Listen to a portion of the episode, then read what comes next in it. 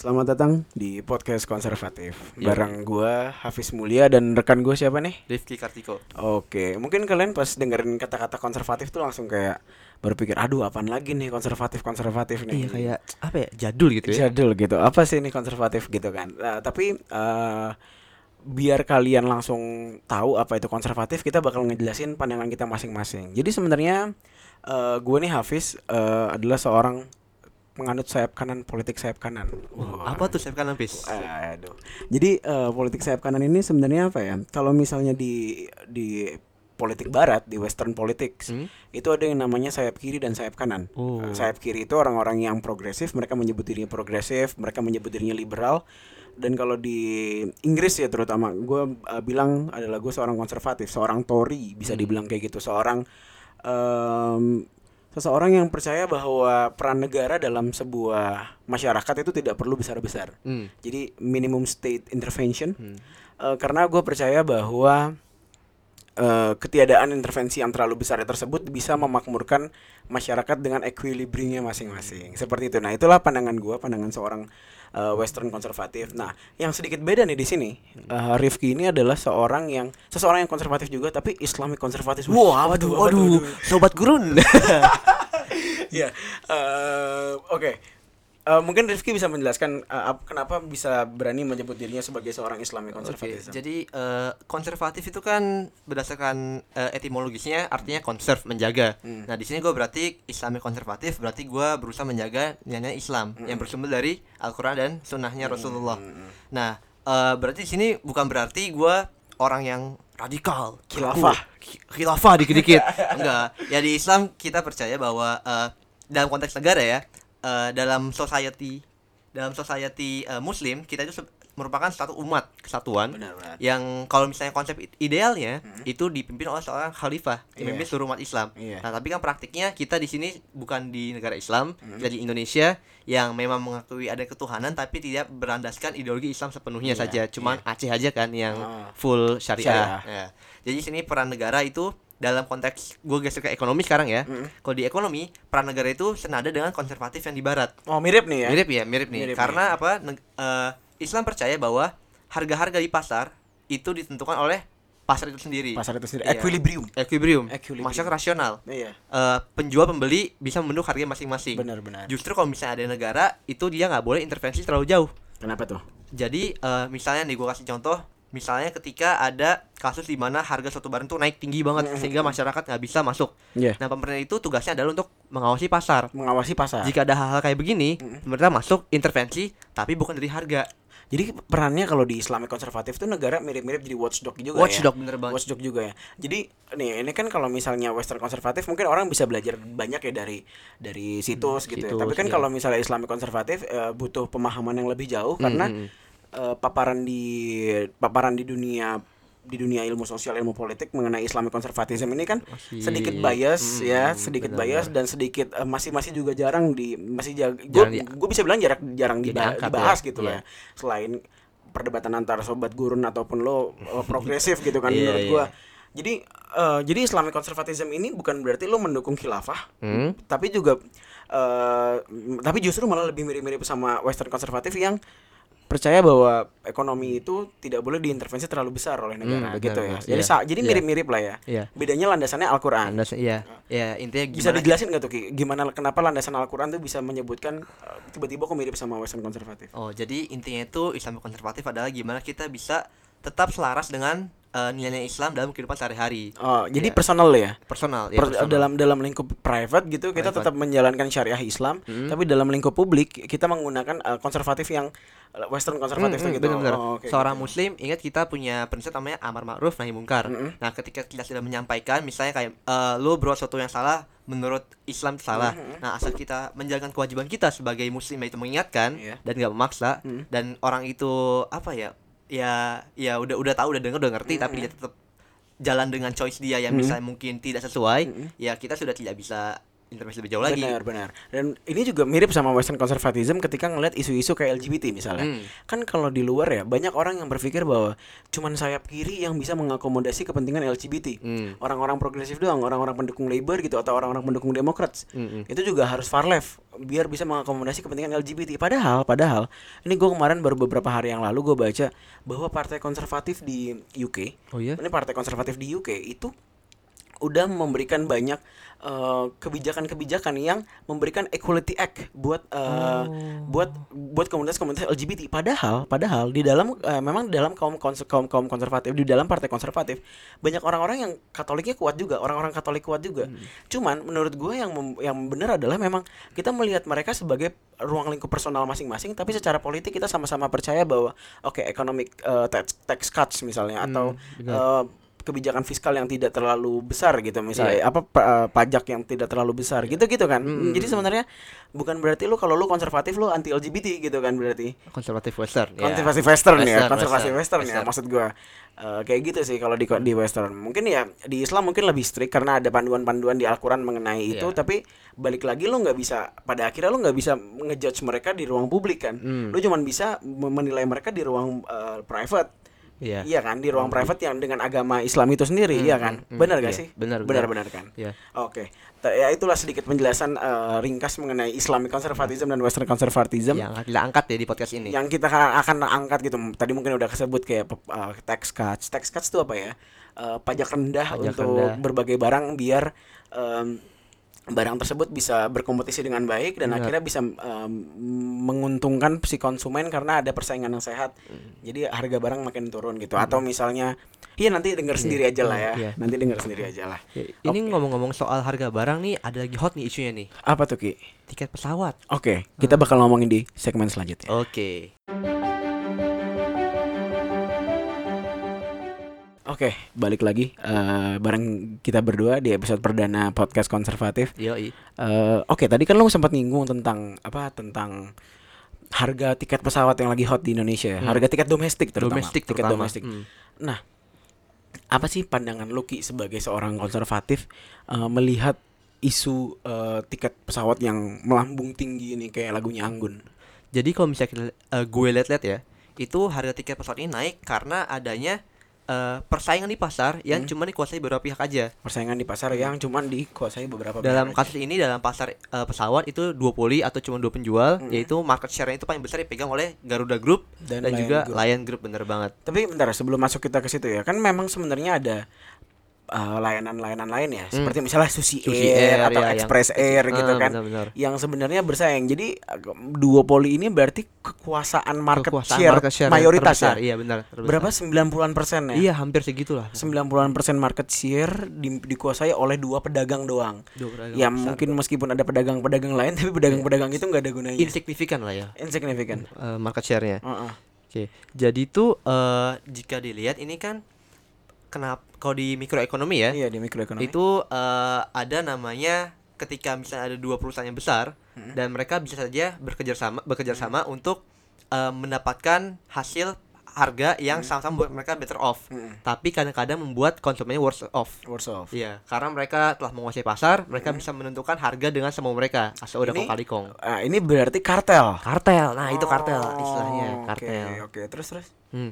Nah, di sini eh ini menandakan bahwa market inefisien, ada kegagalan mas kega- kegagalan pasar. Heeh. untuk menciptakan eh, tiket pesawat itu sendiri. Mm-mm. Tapi kan Ki eh, kalau misalnya justifikasinya dari mereka kan mereka menggunakan eh, tiket pesawat ini juga untuk kepentingan-kepentingan em, reparasi gitu misalnya atau apa sta- spare part dan segala macam. heeh. Tapi eh, menurut lu sendiri gimana sih caranya biar eh, apa sih yang apa sih apa kondisi ideal apa yang sebenarnya bisa membuat perusahaan-perusahaan ini tetap menurunkan tiket pesawatnya, tetapi juga em, tetap eh, tetap memiliki kualitas yang baik gitu. Nah, di sini peran negara masuk. Peran negara perlu nih. Peran negara perlu. Perlu. Nah, setelah seperti yang udah disinggung kita berdua di awal tadi, negara sini sebagai watchdog, Watchdog. monitor pasar atau bahasa Arabnya al-hisbah. Al Hisbah. Hisbah. Nah, jadi itu di sini pemerintah itu sebagai pengawas. Heeh. Pengawas aja dia nggak boleh intervensi. Uh-uh. Namun ketika sudah ada kejadian-kejadian macam macam ini Heeh. yang kiranya telah merugikan masyarakat, pemerintah turun tangan. Eh tapi kan selama ini pemerintah turun tangannya menentukan harga batas atas batas Ah, bawah floor iya. floor Price price, sama ceiling ceiling price. price gitu itu itu salah ya Nah, itu di Islam tidak dianjurkan. tidak dianjurkan dalam kenapa ekonomi? Islam ya. dalam ekonomi Islam Iya, jadi kalau misalnya eh, dalam pasarnya ada kisah dari zamannya Khalifah Umar, Mm-mm. ketika misal waktu itu ada kekeringan Mm-mm. dan membuat harganya naik, Mm-mm. nah itu pemerintah nggak boleh menurunkan harga dengan cara dia netepin harga bawah, Mm-mm. tapi dia impor dari negara lain untuk masuk supply, sehingga supply masuk, Mm-mm. Kemudian equilibrium balik lagi ke titik awal. Jadi yang harus dilakukan negara adalah memperbaiki salah satu sisi supply atau demand betul banget. demi menciptakan supply demand itu tetap kembali ke equilibrium yang baik. Pokoknya pemerintah mendorong biar pasar kembali sesuai, Pasar kembali ke kembali equilibrium. Jadi kalau coba kalau misalnya diimplikasikan ke Konteks pesawat ini konteks ya. pesawat ini itu bisa aja misalnya pemerintah menetapkan kebijakan seperti eh, pengurangan tarif impor. Tarif impor. Karena kan pesawat kan butuh berapa barang-barangnya atau mungkin eh, dalam maintenance-nya yang impor mungkin atau beli dari negara Iya, luar. iya, iya. Nah, itu pemerintah bisa aja misalnya nurunin pajaknya sehingga Oke, cost pesawat operasional cost-nya bisa menurun dan akhirnya dia bisa nurunin harga tiket pesawatnya. gitu. Ada cara lain gak sih kan satu satu satu apa satu baru nih. Hmm. Ini menurut gua gue suka sejujurnya kebijakan Jokowi ini. Jadi si eh, Jokowi bilang kalau misalnya Presiden Jokowi bilang kalau misalnya eh harus membuka maskapai asing biar kompetisi di dalam negeri lebih sehat. Iya. Ini kan eh, sangat neoliberal ya. Gue Iya, sejujurnya sebagai Western konservatif gue suka. Terlepas terlepas dari apakah kebijakan ini akan merugikan eh, pesawat domestik, itu belum tentu. Karena Belum tentu. menurut gua kalau misalnya ada trade deals yang bilang kalau oke kita membuka maskapai asing, Hmm. berarti seharusnya kita juga punya posisi yang kuat untuk meminta ke negara yang punya pesawat itu, Hmm. misalnya let's say eh, Malaysia. SQ gitu ya, SQ. atau Malaysia Ya. Airlines gitu. Ah, gue juga mau tapi dibuka em, dibuka in negara lo eh, s- apa sky sky ininya Hmm. eh, jalur jalur udaranya buat kita operasi domestik di sana. Sebenarnya udah ada tuh namanya ASEAN ASEAN Sky something lah pokoknya perjanjian ASEAN Sky something itu yang bilang kalau misalnya eh, seluruh ASEAN itu bisa open sky ASEAN Hmm, Open ah, Sky iya, iya. ASEAN Open Sky. Nah, menurut lo itu gimana ki kebijakan eh, wacana kebijakan itu apakah eh, proper dalam konteks kita yang eh, dalam konteks konservatisme atau sebenarnya itu terlalu besar sebagai intervensi negara Ini gua nggak ngomong nasionalisme ya. iya Nah, tapi menurut gue itu setuju aja. setuju aja Karena dengan masuknya pemain baru itu bisa bikin kompetisi lebih sehat. bener kan Dibandingkan cuma dua pemain doang kan Iya, bisa iya, iya. kartel tadi kan. kartel Nah, ini eh, ibaratnya aja kayak lomba lari kalau misalnya peserta makin banyak makin bagus-bagus, Iya. lo bakal terdorong untuk memperbaiki melatih diri lo sendiri kan sehingga kualitas lo bisa bersaing lah di Iya, arena iya, itu. benar, ini juga sama juga dengan masuk pemain Oke. baru, akhirnya para incumbent ini pasar akhirnya terdesak untuk harus bisa meningkatkan kualitas servis mereka. Oke. Nah, dan itu akhirnya mereka mungkin bisa meningkatkan kualitas sembari menurunkan harga karena ada pemain baru yang masuk. meski harga tetap di atas pun kualitas akan naik Iya, betul karena banget. mereka mau nggak mau harus bersaing sama lebih banyak maskapai, Maskapai, kayak iya, gitu kan. Benar. Eh, in return juga kita berarti bisa menye- melayani rute domestik negara lain Nah, gitu benar, misalnya benar ya banget. kan? Iya, bisa buka Bayangin- pasar baru. nah exactly. Menurut gua kayak Bangkok eh, KL gitu misalnya atau Bangkok eh, Pattaya mungkin. Gua nggak tahu sih di, di di di di Thailand tuh ada berapa kota besar gitu ya. Atau mungkin di Vietnam atau di Malaysia segala macam. Itu kan bisa aja kita ngelainin rute domestik mereka. Hmm. meskipun udah udah ada Thai Thai Air. Thai apa bukan? Thai Thai Lion yang penting sih intinya adalah kalau misalnya kita pesawat-pesawat domestik asal Indonesia bisa melayani rute domestik di negara lain itu bisa jadi em, subsidi ke rute-rute domestik Iya, kita. bener bener iya kan, cuy. iya Iya, kan, iya, iya kan? bener, itu bener. juga bisa jadi solusi menurut gua yang ngebuat eh, rute domestik ini jadi lebih murah. Hmm, intinya gitu sih. oke ada lagi yang menurut lu em, pengen lo omongin terkait kebijakan ini karena Iya. gua ngomong-ngomong soal duopoly gue juga ada ada yang pengen gue omongin Oh, nih. gimana tuh, Pis? Lo aja coba. Eh, tapi bukan kebijakan pesawat lo dulu aja lo dulu aja Oke. lo dulu aja Iya mungkin menanggapi hal ini ya kita sedih aja kan di mana orang-orang masa lebih bisa menjangkau harga Hmm. tiket pesawat yang keluar negeri dibandingkan domestik. benar benar Kemarin lebaran kan sempat chaos kita kan Iya, orang mau iya, pulang ke iya. Padang itu nyampe 3 juta cuy PP cuy. parah banget itu. Parah banget. harus apa harus pilih harus ke keluar negeri dulu kalau mau lebih murah bahkan. Iya iya ke Singapura transit kan. ada fakta menarik kemarin tuh gue lihat persi apa ya satu salah satu sepak bola dari wilayah timur Indonesia Hah? akhirnya memutuskan untuk memberikan em, apa eh, anggotanya gitu pemain bolanya pemain bolanya itu eh, paspor karena ada yang nggak punya paspor kan Buat keluar negeri dulu. biar keluar negeri dulu kalau mau main di wilayah barat Indonesia misalnya ke Malaysia dulu atau ke Singapura dulu karena lebih murah daripada langsung Langsung. Eh, eh. Ah, kalau nggak salah kalau nggak salah aduh gue lupa dari mana ya pokoknya antara dari Papua atau dari Maluku deh klub sepak bola kita yang main di Liga 1 gitu itu menurut gue kacau sih Iya. sedih sih Sedihnya. Nah. nah speaking of which ya gue pengen masuk ke topik kita yang kedua sebenarnya tadi kan kita ngomongin masalah eh duopoli di ekonomi Ekonomi. Eh, spesifiknya pesawat gue juga pengen ngomongin masalah duopoli di politik nih Politik. Ah, ini. Nah, duopoli di politik. Gua pengen berangkat dari kasusnya eh Amerika Serikat. Jadi sebenarnya kan di Amerika Serikat ini sistemnya eh, dua partai ya. Two party. Two party Ah. kan, two party systems ada Demokrat dan Republik. Mereka memon- mel- mel- memonopoli dalam konteks eh, Politik diskursus power ya? politik ya kan, Ah. politik powers gitu. Jadi lo pilihan lo kalau nggak orang Demokrat ya orang Republik. Republik. Lo bisa punya pilihan ketiga kayak Green Party tapi nggak signifikan dan nggak akan ada pilihannya dan nggak akan bi- apa bisa bersuara sebesar dua partai itu kan. Ini kan mirip-mirip sama kondisi pesawat kita saat ini gitu kan. Iya. Nah dan menurut gue ini juga jadi buruk sih. Eh, kalau gue lihat ya di akhirnya di politiknya US saat saat ini an- antara lu milih buat bisa dukung Trump karena kan Trump pasti bakal maju lagi sebagai Hmm, incumbent, incumbent. atau lo milih Democrats yang sekarang calon-calonnya itu sangat-sangat eh, far left menurut Oh, gue iya. sangat-sangat ke kiri karena karena ada eh, ada tampak ada pergeseran eh, titik dari tengah ke semakin jauh ke kiri dan semakin titik dari semakin jauh ke kanan ya Semakin terpolarisasi gitu ya. semakin terpolarisasi yang membuat eh politiknya di US ini jadi em, antara lu progresif banget gitu yang yang kiri banget yang jauh banget gitu ya atau lo harus milih Trump? Ya maksud gua maksud gua gua nggak ya kalau misalnya gue disuruh milih ya pada akhirnya gua akan milih Trump. Hmm, karena ya, ya, karena kons- karena konservatif gue karena ya. gue sayap kanan.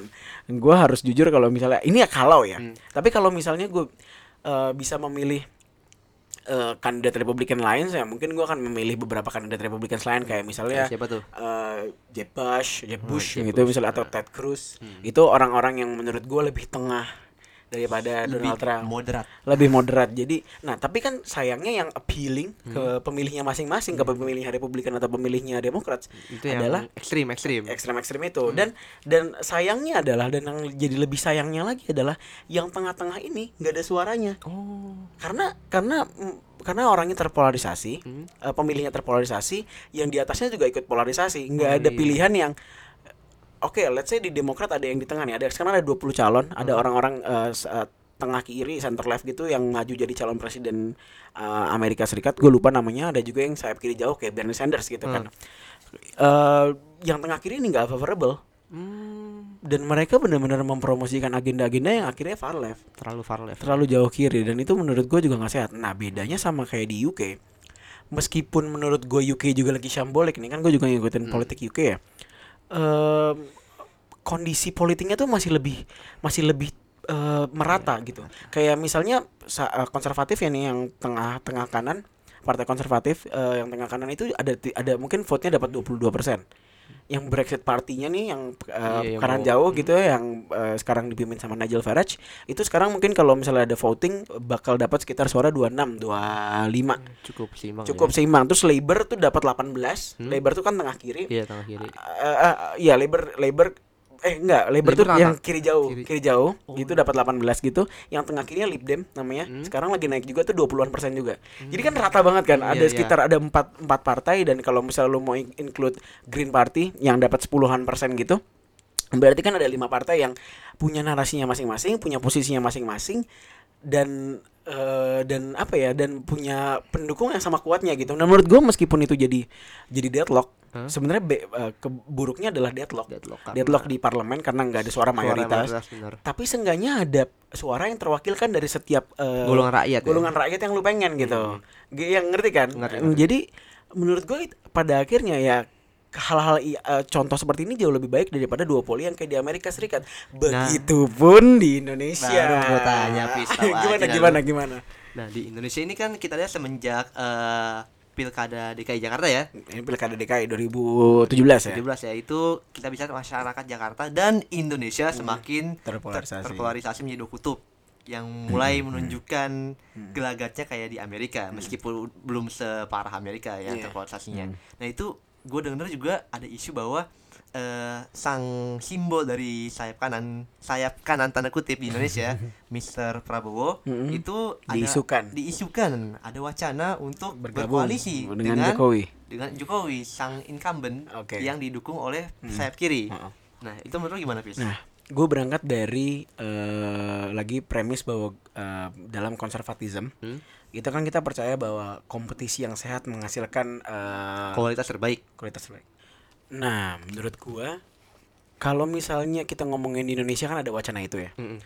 Ada wacana kalau misalnya eh, kubu dari Gerindra lah, kita nggak bisa bilang Prabowo doang ya. Kubu dari Gerindra, koalisi pendukung Prabowo tuh ada beberapa yang ingin eh, bukan ingin, ada yang diisukan akan bergabung ke kubu koalisi. Entah karena diajak gua nggak tahu apa ya, tapi intinya isunya bergabung ke kubu terpilih yang sah baru saja terpilih eh, pasangan Jokowi dan Maruf Amin kalau misalnya balik lagi kita eh, di Indonesia akhirnya semua kubu menjadi satu gitu ya. Bukannya gua nggak suka Indonesia ini bersatu cuy. Bukannya gua nggak suka pihak yang terpilih atau bukannya gu- atau atau bukannya gua nggak suka orang yang eh, kemarin eh, kubu yang kemarin baru aja kalah gitu. Tapi buat gua adalah kalau misalnya nggak ada oposisi dalam sebuah partai politik ini akan membahayakan Negara. membahayakan negara. Let's say akan ada oposisi di grassroots Hmm. Misalnya pasti akan mahasiswa ada lah, mahasiswa mungkin atau uh, LSM gitu misalnya. Tapi kan di keterwakilannya di politik pas kita kemarin milih, kita kan kemarin akhirnya milih partai yang bakal jadi oposisi atau bakal terpilih. Hmm. Maksudnya kan akan ada dua kubu yang siapa pun yang terpilih akan ada yang jadi lawannya. Benar. Dengan lawan itu kan dia bisa mengkritik pemerintah, Benar, benar. masukan konstruktif gitu kan. Benar, benar. pemerintah yang menjabat. Poinnya adalah poinnya adalah tektokan. Hmm. Karena kan kalau ngomongin ideologi juga ya ideologi di Indonesia juga nggak bukan yang nggak jelas. Eh, memang tidak memang tidak seclear itu borderline-nya. Tidak seperti di US di barat gitu kan. Kan Pancasila mengakomodasi semuanya. Nah, kan. karena Pancasila memang bisa mengakomodasi semuanya gitu. Tapi poin dari gua adalah ketidakhadiran oposisi itu akan membahayakan. Akan membahayakan balik lagi kondisi di dalam negeri Indonesia. Asumsikan ada 80% eh DPR, 80% partai kan ya kalau misalnya mereka nyebrang berarti bisa ada 60, 70, 80% gitu ya. Asumsikan 75% aja eh, total eh, DPR. Itu berapa banyak? Itu kebijakan nggak bakal ketolak lah. Iya. Iya kan? Iya. Kalau kebijakan-kebijakan yang disarankan sama presiden gitu nggak akan ada suara penolakan lah di DPR. Mungkin masyarakat nolak ya tapi DPR-nya Iya, nggak ada power satu koalisi nggak punya power kita. Orang yang kita pilih buat lima tahun itu tadinya kita pikir bisa jadi oposisi atau jadi atau jadi penguasa tapi malah jadi penguasa semua gitu kan. Maksud gua bukannya kita nggak pengen eh, pilihan kita menang tapi kita kan juga pengen suara kita terwakilkan kan. Dan pas kita nyoblos kemarin nyoblos partai itu nyoblos calon presiden itu kan kita pengen suara kita terwakilkan. Apa yang mereka bawa adalah Aspirasi kita. aspirasi kita semua gitu kan terlepas dari apa aspirasinya. Kalau misalnya nyebrang siapa yang bisa menjamin aspirasi kita terwakilkan? Hmm, bener banget. iya kan? Kayak gitu menurut gua dan balik lagi mungkin kalau misalnya ngomongin soal konservatisme di Indonesia ya kan memang eh, sekarang lagi kenceng Islamic konservatisme ya. Dan kalau kita dan kalau misalnya kita juga mau eh, nggak munafik ya memang banyak banyak pada akhirnya Islamic konservatisme ini salah dalam cara menyampaikan eh, Gagasan ya. gagasannya gitu. Tapi toh juga yang di sisi seberangnya juga di sisi seberangnya juga sama bermasalahnya. Bener. Iya kan? Jadi memang gimana ya pertama udah polarisasi polarisasinya nggak jelas polarisasinya nggak paham. Ini pendapat gue ya polarisasinya nggak nggak nggak nggak clear terus juga sekarang orangnya mau satu kubu Iya. Nyampur semua. itu menurut gue Iya. menurut gue mess up banget sih Iya, gue juga apa ya ya?